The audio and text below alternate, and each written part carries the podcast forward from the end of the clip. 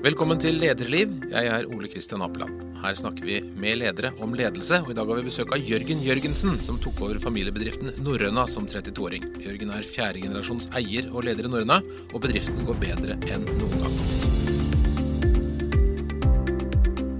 Velkommen til Lederliv, Jørgen Jørgensen. Du er sjef for Norrøna, som du har eh, ledet nå i noen år, og gjort et veldig stor forandring. Jeg har inntrykk av at det går så det griner i Norrøna?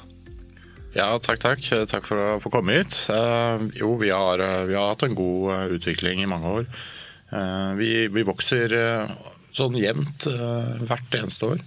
Og har klart å gjøre det alle år unntatt ett år siden så jeg tok over. Men jeg vet at det ligger et lite sånn strategiskifte bak her som du gjorde for noen år siden?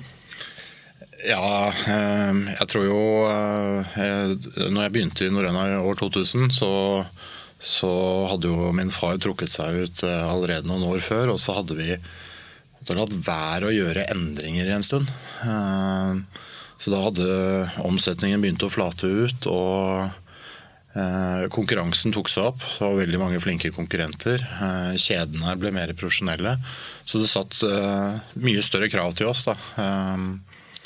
Og jeg begynte der, så jobbet jeg med produktutvikling. og fikk gjort en, grep, en, del grep der. Um, ikke minst det å slippe til uh, mange av de flinke folkene som var der. Uh, få ja, mer et teamorientert arbeid.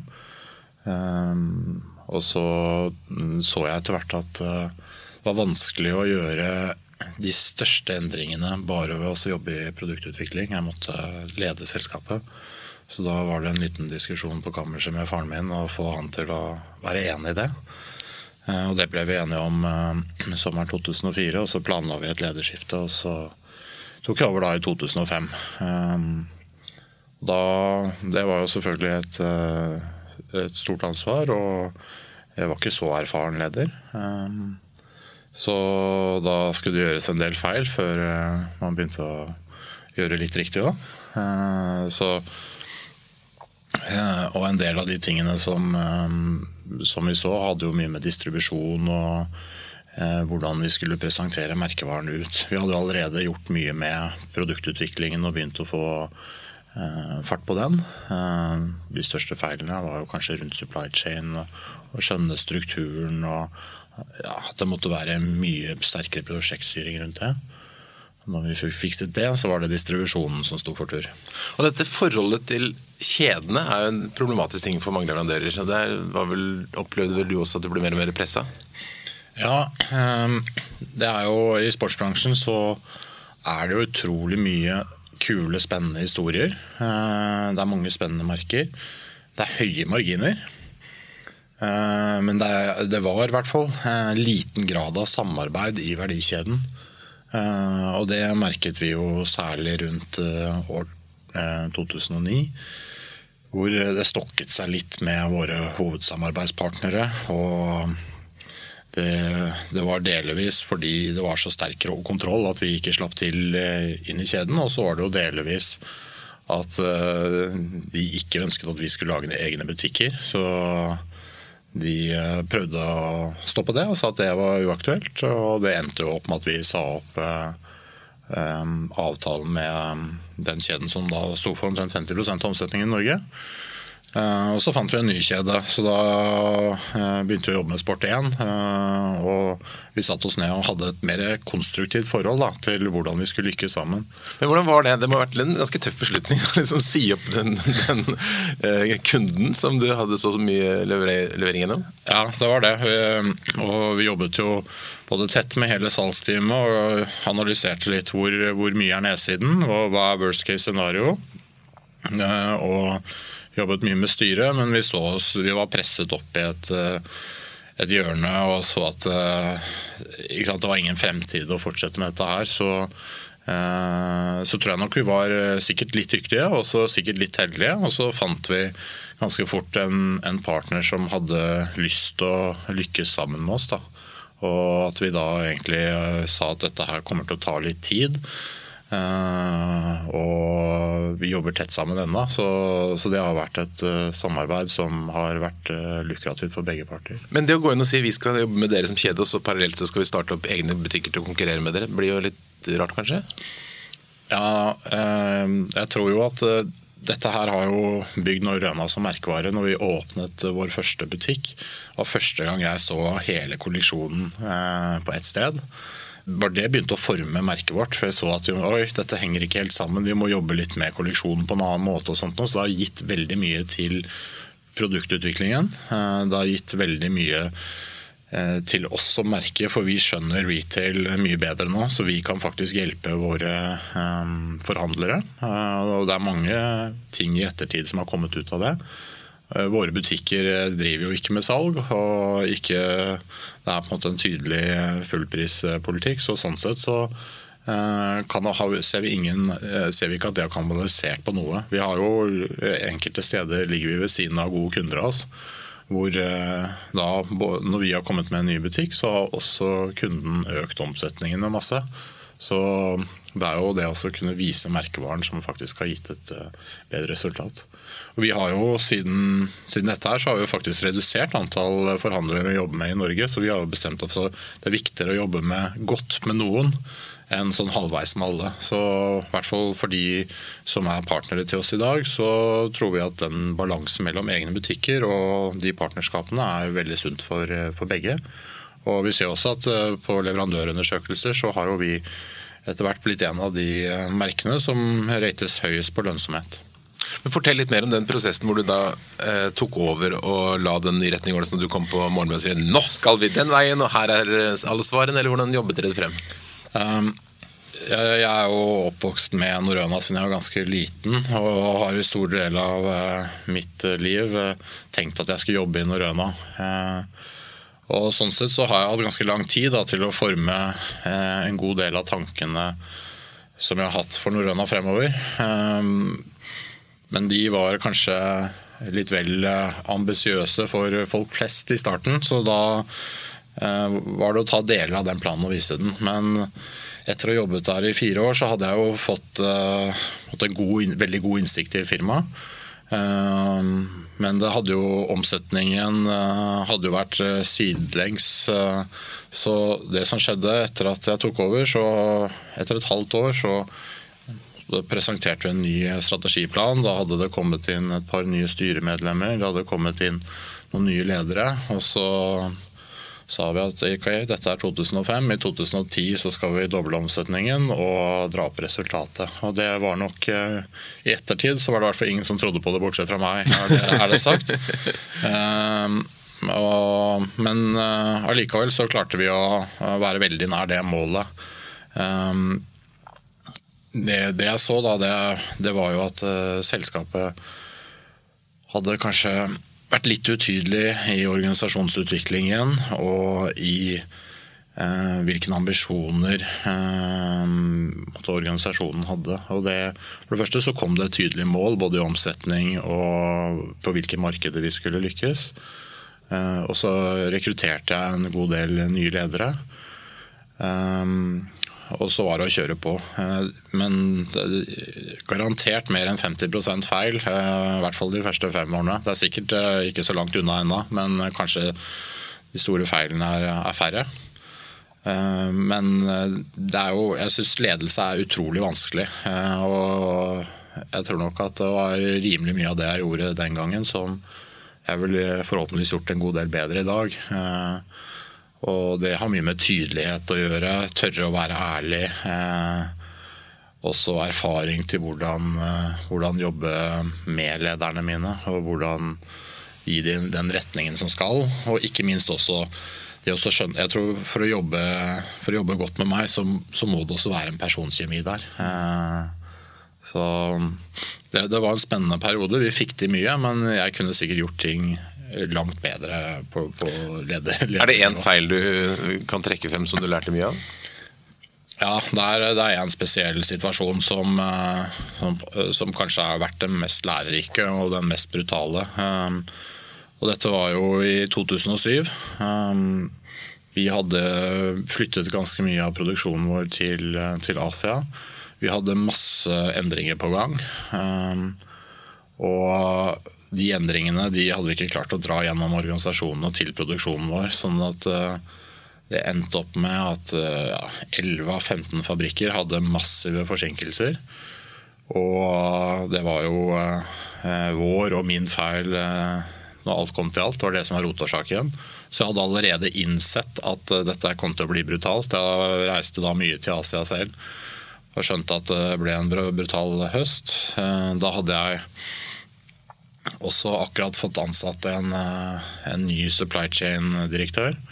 I mellomtiden så holdt jeg den stillingen. Så ble jeg ringt opp en dag i tidlig oktober. Det var tre uker før han skulle begynne. Og da det var ja, jeg visste at eh, liksom, heaten var på vei til å bygge seg opp. Vi så forsinkelsene, men kundene hadde ikke sett hvor store de var. Så ringte han og fortalte meg at uh, han, hadde, han, han, begynte med barselpermisjon, så han skulle på en måte på jobb om tre uker. Men han sa fra at uh, han hadde fått drømmejobben og leverte oppsigelsen. Og da skjønte jeg at det kom til å bli noen tøffe måneder, så da måtte jeg puste tungt i fem minutter og tenke om er dette her, er det verdt det? Og så la jeg det bak meg, og så gikk vi videre. Men det jeg lærte, det har jo veldig mye med prosjektstyring å gjøre. og ha respekt for en tidsplan, eh, og at alle er omforent om en tidsplan. Eh, og ikke minst kvalitetskontrollen gjennom dette. Dette resulterte jo at vi var massivt forsinket. Vi hadde store kvalitetsproblemer. Eh, og det satt veksten vår tilbake en god stund. Så læringen var at det må være veldig streng struktur? Uh, en, uh, ja, strukturen må være absolutt. Uh, og at ja, selv om man har gode hensikter og prøver å jukse den strukturen, så, så, må man ikke gjøre det. Og så at kvalitet går foran alt. Du sier at du har ansatt mye folk og at det er viktig å ha de riktige menneskene. Hvordan finner du de riktige menneskene som holder dere? Ja, det er det er et godt spørsmål. Eh, jeg tror jo i stor grad så er det jo de som finner deg. Eh, personen jeg snakket om her, han sluttet jo, men han ansatte jeg senere til å drive Norena Retail, og vi har jobbet veldig godt sammen eh, i, all, i ettertid. Så det er jo å bruke mye tid i intervjuer og prøve å kjenne folk. Selvfølgelig referanser. Bygge nettverk. Og også respektere at gode folk som har vært der, hvis de slutter, så eh, prøve å holde godt forhold til de senere. Fordi det er ganske mange som har forsvunnet ut, men som har kommet tilbake igjen. og da kjenner man jo folkene, så vet hva de er gode for og vet hvordan de er. og Sånn sett så eh, er det lettere å tilpasse de i organisasjonen. Eh, men jeg tror, jeg tror jo selv at det er sikkert veldig mange flinke folk andre steder som ikke nødvendigvis ville fungert sammen med meg. Sånn at uh, av og til så, så, vil man selv om man går på intervjuer og referanser og alt mulig, uh, få inn flinke folk som det ikke er uh, kjemi med. Og det, det, er helt avhengig av Sånn som jeg jobber, i hvert fall, så er jeg helt avhengig av å ha den connection som, hvor vi måtte, er åpne og ærlige med hverandre, og hvor vi er enige om hvor nivået skal ligge. Tror mange ledere opplever det at de har folk rundt seg som de føler at på et eller annet tidspunkt ikke fungerer bra nok. Hvordan tar du det? Hvordan gjør du det med den personen? Ja, det er jo kanskje det aller, aller vanskeligste uh, innenfor ledelse. Um, jeg har jo en veldig bra viseadministrerende som har gitt meg mye coaching på dette. her. Hun, uh, hun har vært veldig stor støtte til å dra meg videre. Jeg tror jo det med tydelighet hvis man ser at man glir fra hverandre, eller det er noe eh, jeg er misfornøyd med, eh, at jeg sier fra veldig fort og veldig tydelig. Eh, det er i hvert fall det som jeg syns ser ut som fungerer aller best for meg. Og sånn sett så trenger jeg jo folk som også tåler å høre sannheten, og som tør å være ærlig mot meg tilbake igjen også. Jeg føler at lederteamet mitt i dag er flinke også til å gi meg feedback. De er ikke redde for å si at det der bør du gjøre, det der bør du ikke gjøre. Så det er jo en evig feedback og ærlig liksom, Det har en ærlig og åpen uh, tone. Mm. Uh, men også være enige om at uh, nivået skal være høyt. Jeg tror jo jeg tror alle som jobber hos Norrøna i hvert fall, Kanskje ikke med en gang, men når de kommer inn, så ser de at kravene er ekstremt høye. Så hvis du ikke har lyst til å være best i verden innenfor ditt område, så, så tror jeg det er litt vanskelig å jobbe, jobbe for meg. Dere er et familieeid selskap, du eier selskapet. Hadde det vært eh, like enkelt å gjøre de forandringene du har gjort hvis dere hadde vært et eh, børsnotert selskap f.eks.? Nei, det tror jeg ikke. Jeg, har jo eh, I 2009 så ville styreformannen min at jeg skulle kjenne hvem konkurrentene er rundt, rundt oss. Og, um, så da hadde vi jo et møte med Altor og Hugo eh, Maurstad, som det han. Ja. Um, og han imponerte meg veldig i hvor måte, tydelig og mye energi og mye kraft det var der. Og sånn som han kommuniserte, så tror jeg hadde jeg solgt til de, så hadde jeg ikke holdt uh, i veldig lang tid, tror jeg. Um, og så kan det jo hende at det hadde vært en annen kurve med et uh, PE-selskap, men jeg tror allikevel at innenfor vår bransje så har vi kommet langt og er en av de mer lønnsomme og en av de mer solide merkevarene. Så ja, jeg tror i børsnoterte eller PE-selskaper så har de for dårlig tid til å kunne gi lederne det som trengs da, for, å, for å gjøre Du må gjøre litt feil for å gjøre noe riktig. Um, og den muligheten har jo vi i mye større grad. Vi har, vi har, mulighet til å ta de investeringene eller gå på de blemmene. Uh, for så å lære av det, som kanskje etter fire, fem eller ti år gir helt andre resultater. Når du presenterer så, så høres det liksom sånn hipp hurra, det går strålende og gått fremover hele veien. Har det vært, har det vært mye tvil og usikkerhet underveis? For å være ærlig, for egen del så, så har det egentlig ikke det. det jeg tror eh, liksom på de fire grunnelementene som vi driver på, som er kvalitet, funksjon, design og bærekraft, det, for meg så tror jeg vi, Hvis vi gjør det riktig, så finnes det konsumenter som Eh, som er opptatt av det. Det finnes mange konsumenter som er opptatt av det. Og vi bruker enorme ressurser på å være ledende på det, samtidig som kundeservice er ufattelig viktig for oss. Um, så, så lenge vi måtte klare å fortsette å, ligge helt i forkant på dette her, så har jeg alltid trodd at eh, det er, eh, det er en god sjanse for at vi lykkes over tid. Um, det har vært mye hardt arbeid, og jeg har nok har nok en evne til å tro på det som kanskje andre ser på som umulig. Mm. Du nevner kundeservice. Det, du vet jo at det bl.a. er mulig å komme med anorakken sin og få sydd en glidelås eller fiksa noe hos dere. At dere har faktisk folk som syr. Mm. Vi har, eh, vi har servicesenter i to av butikkene våre. Ett på hovedkontoret vårt. Ett i Tyskland, ett i Sveits, jobber med ett i Frankrike. I fjor så reparerte vi over 11 000 plagg. Så det er en viktig del både Eh, for, kundes, for, kundeservice, men også en viktig del for miljøet. at eh, når produktet liksom, Hvis det er en liten ting som er feil med det, at vi kan fikse det og, og la produktet leve i mange år til. Miljø er jo noe alle snakker om, men opplever du at det betyr mye for kunden? Jeg tror eh, vi som merker er ganske dårlige til å kommunisere sånn at kunden forstår det. Hvis vi hadde blitt bedre, så tror jeg langt flere hadde blitt mye mer, mer opptatt av miljøet. Men jeg tror jo kunden generelt sett er veldig opptatt av miljø, men det er litt vanskelig også å navigere i den jungelen som er der ute. Men eh, det kommer nok til å endre seg dramatisk de neste årene, fordi det er så store endringer um, i produksjon og produktene uh, ja, akkurat nå. Og de aller fleste seriøse konkurrentene våre de jobber jo også mot å være best på miljø. Så sånn sett så er det en god kraft i, i, i vår bransje. Eh, og det vi lykkes jo kun eh, samlet som bransje eh, for å snu, ja, snu mot en et mer bærekraftig måte å utvikle produkter og selge produkter på. Og jeg ser store bevegelser. Det haster jo, så det er kanskje ikke raskt nok, så det må bare trykkes på enda enda mer. Og vi har jo også som ambisjon å være ledende og gjøre veldig mye for å endre måten vi både produserer og hva slags materiale vi bruker. Mm.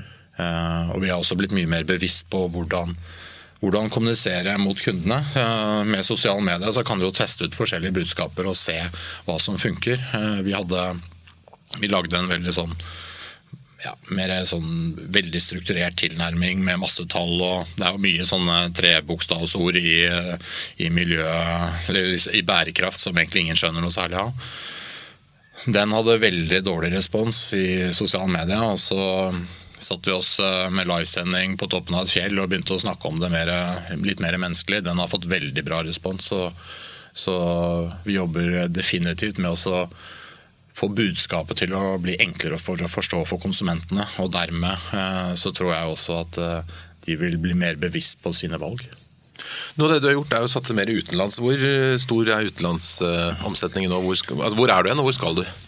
Nei, den, den, er veldig nære 50% men vi er ikke over 50 ennå. Vi ser at omsetningen i Norge ønsker vi å holde stabilt. Vi tenker vi er store nok der. Så det betyr at all vekst eh, i fremtiden skal komme fra eksport. Um, Hvilke land er du i nå? Det begynner jo å bli eh, en del land. Vi er jo godt representert i Skandinavia. Så vi har, noen eh, land hvor vi har egne selgerteam og jobber med ganske mange butikker. Og så har vi noen land hvor vi har enkeltbutikker som kommer til oss som vi også jobber med. Så det, Hovedmarkedene våre er jo Norge, Sverige, Danmark, Eh, Tyskland, Frankrike, Sveits, Østerrike, Italia og UK. Og så har vi åpnet eh, kontor i USA, så da blir det en av hovedmarkedene også. Og så I tillegg så jobber vi med Japan, Kina, Taiwan. Eh, vi har også noen butikker i Øst-Europa som vi jobber direkte mot, og Canada. Så det begynner å bli en del, en del markeder, men mange av de er det jo kanskje én, to, tre butikker. Ja, vi er i Russland også, for så vidt. Hvor stort ser du for deg at dette kan bli? Nei, det, jeg tror jo uh, ved å jobbe langsiktig på dette her, så kan det bli betydelig større enn det det er i dag. Vi, vi har jo ikke som mål å bli størst mulig. Vi ønsker jo å være sett på som det beste merket, mest innovative merket. Så, uh, men for å for å drive bærekraftig i forhold til at eh, man kan investere videre i alt mulig, så trenger man jo en viss vekst eh, hvert år. Så målet vårt er å ligge opp mot 20% vekst i året, og all den omsetningen. Så veksten skal jo komme utenfor Norge, så da blir jo den betydelig høyere enn det. Du jobber jo da på tvers av kulturer. Du har asiatiske leverandører, du har kunder i forskjellige deler av Europa osv. Er det bra å være norsk? Ja, jeg oppfatter det. at det, Vi har jo eh, kanskje en kultur. Det er jo, må gå tilbake til vikingtiden før vi kriget for mye med noen. Eh, og det, det tror jeg vi merker eh, når vi er rundt omkring i Europa og i Asia, at folk har et, eh, et positivt inntrykk av, av, alt som kommer fra Norge. Um, og det er ingen sånn historiske konflikter som, som, ødelegger, som det kan være veldig mange andre steder. Um, så, så, det tror jeg er bra. Vi, vi har over 16 forskjellige kulturer internt i selskapet òg, eller land. Eh, og jeg tror nok at eh, for mange som kommer fra et annet land, så er det en stor kulturforskjell å komme til Norge. Det er eh, at hierarkiet er litt flatere, at man kanskje ikke ser at nødvendigvis det skjer så mye, men allikevel så skjer det mye. Jeg tror veldig mange som kommer til Norrøna i begynnelsen, tenker at eh, ja, ja, her var det jo rolig og balansert. Og så går det litt tid, og så innser man at vet du hva, det skjer enormt uten at du nødvendigvis ser det. Så eh, jeg opplever i hvert fall at eh, nordmenn er flinke til å, å ta ansvar også. Mm, og, og, flinke til å tenke selv. Mm. Men det, det, finnes jo ganske mange bedrifter som ligner på det som uh, Norrøna var. Uh, som en, en, liten familiedrevet bedrift innenfor et segment. Men som ikke klarer å ta det store løftet som dere har gjort. Hva tror du er barrierene? Um, jeg tror jo uh, Det du snakket om i begynnelsen, er jo um, hva er liksom forskjellen på et børsnotert og et familieeid selskap. Uh, Suksess det kommer jo ikke som en eksplosjon. Det kommer som et eh, langsiktig arbeid. I hvert fall i de aller fleste tilfeller. Det er å bygge sten på sten. og Ofte så er det noen stener som knuses, og man må legge på den samme stenen igjen. Hvis du har, selv, hvis du har flere eiere, så blir jo det fort tøft. Eh, fordi hvis alt går bra, så er alt lett. Men med en gang du møter litt motgang, så er det jo noen som begynner å tvile. Så jeg kan jo se for meg at en del, i en del familiesituasjoner også, så kan ikke alle være med å lede. Så det blir én som leder, og det blir fort uenighet. Fordi de beste valgene, det er ikke de enkleste. Det er ikke de som kortsiktig gir de beste resultatene. Så det å tørre å stå i det over litt tid, ehm, det er vanskelig. Eh, akkurat i mitt tilfelle så har jeg vært så heldig at jeg har egentlig bare vært meg som eh, har bestemt. Og jeg kan stå i det så lenge jeg har hatt råd til det. Og Men allikevel så må man jo Det må på en måte ligge noe i bunnen der som man tror veldig sterkt på. da. Så det kunne jo hende at jeg hadde tatt feil òg. Så vi har i hvert fall bruke det man har av hell riktig også. Men det er hardt arbeid. Tørre å tro på det som ligger i bunnen, og bare jobbe mot det.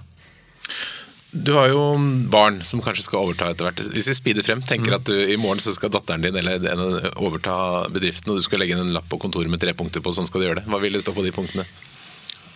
Eh, for det første så tror jeg den eneste måten å kunne lykkes i eh, som en eier, leder av Norøna, det er at man har en utrolig lidenskap både for naturen eh, og skjønne liksom, verdien av naturglede. Og så må man ha en utrolig interesse for alle områder i bedriften. Jeg syns alle områder er spennende.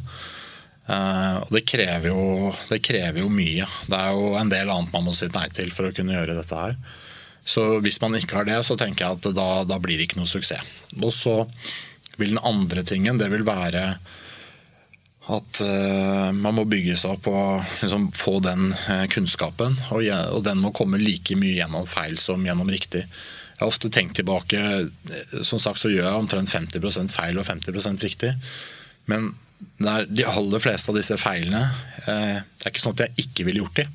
Fordi de gir noe. Du lærer noe av det. Så, det å bruke feilene til å utvikle seg, det, da kommer man veldig langt. Men man må tørre å være ærlig, man må tørre å få opp feilene. Man må tørre å bruke de situasjonene til å finne ut hvorfor funket ikke dette, og så prøve på noe nytt. For eh, hvert fall vi som ønsker å gå ned en del veier eller en del stier som ikke det er gått noen før, så er det umulig å treffe riktig eh, på første. Og hvis du treffer riktig på første, så, så pusher du det ikke langt nok. Um, og så er det jo eh, det å ja, og også innse om man er interessert til mennesker. Fordi det er umulig å lykkes alene. Det er et, det er et teamarbeid. og ja, det å i hvert fall kunne sette av tid og interesse for å, å dra disse, alle de man skal jobbe sammen med, med i samme retning. Jørgen Jørgensen, takk for at du kom til Lederliv. Takk for at jeg fikk komme. Takk for at du har lyttet til Lederliv, en podkast produsert av Apeland. Trykk abonner, så får du et varsel neste gang det kommer en episode.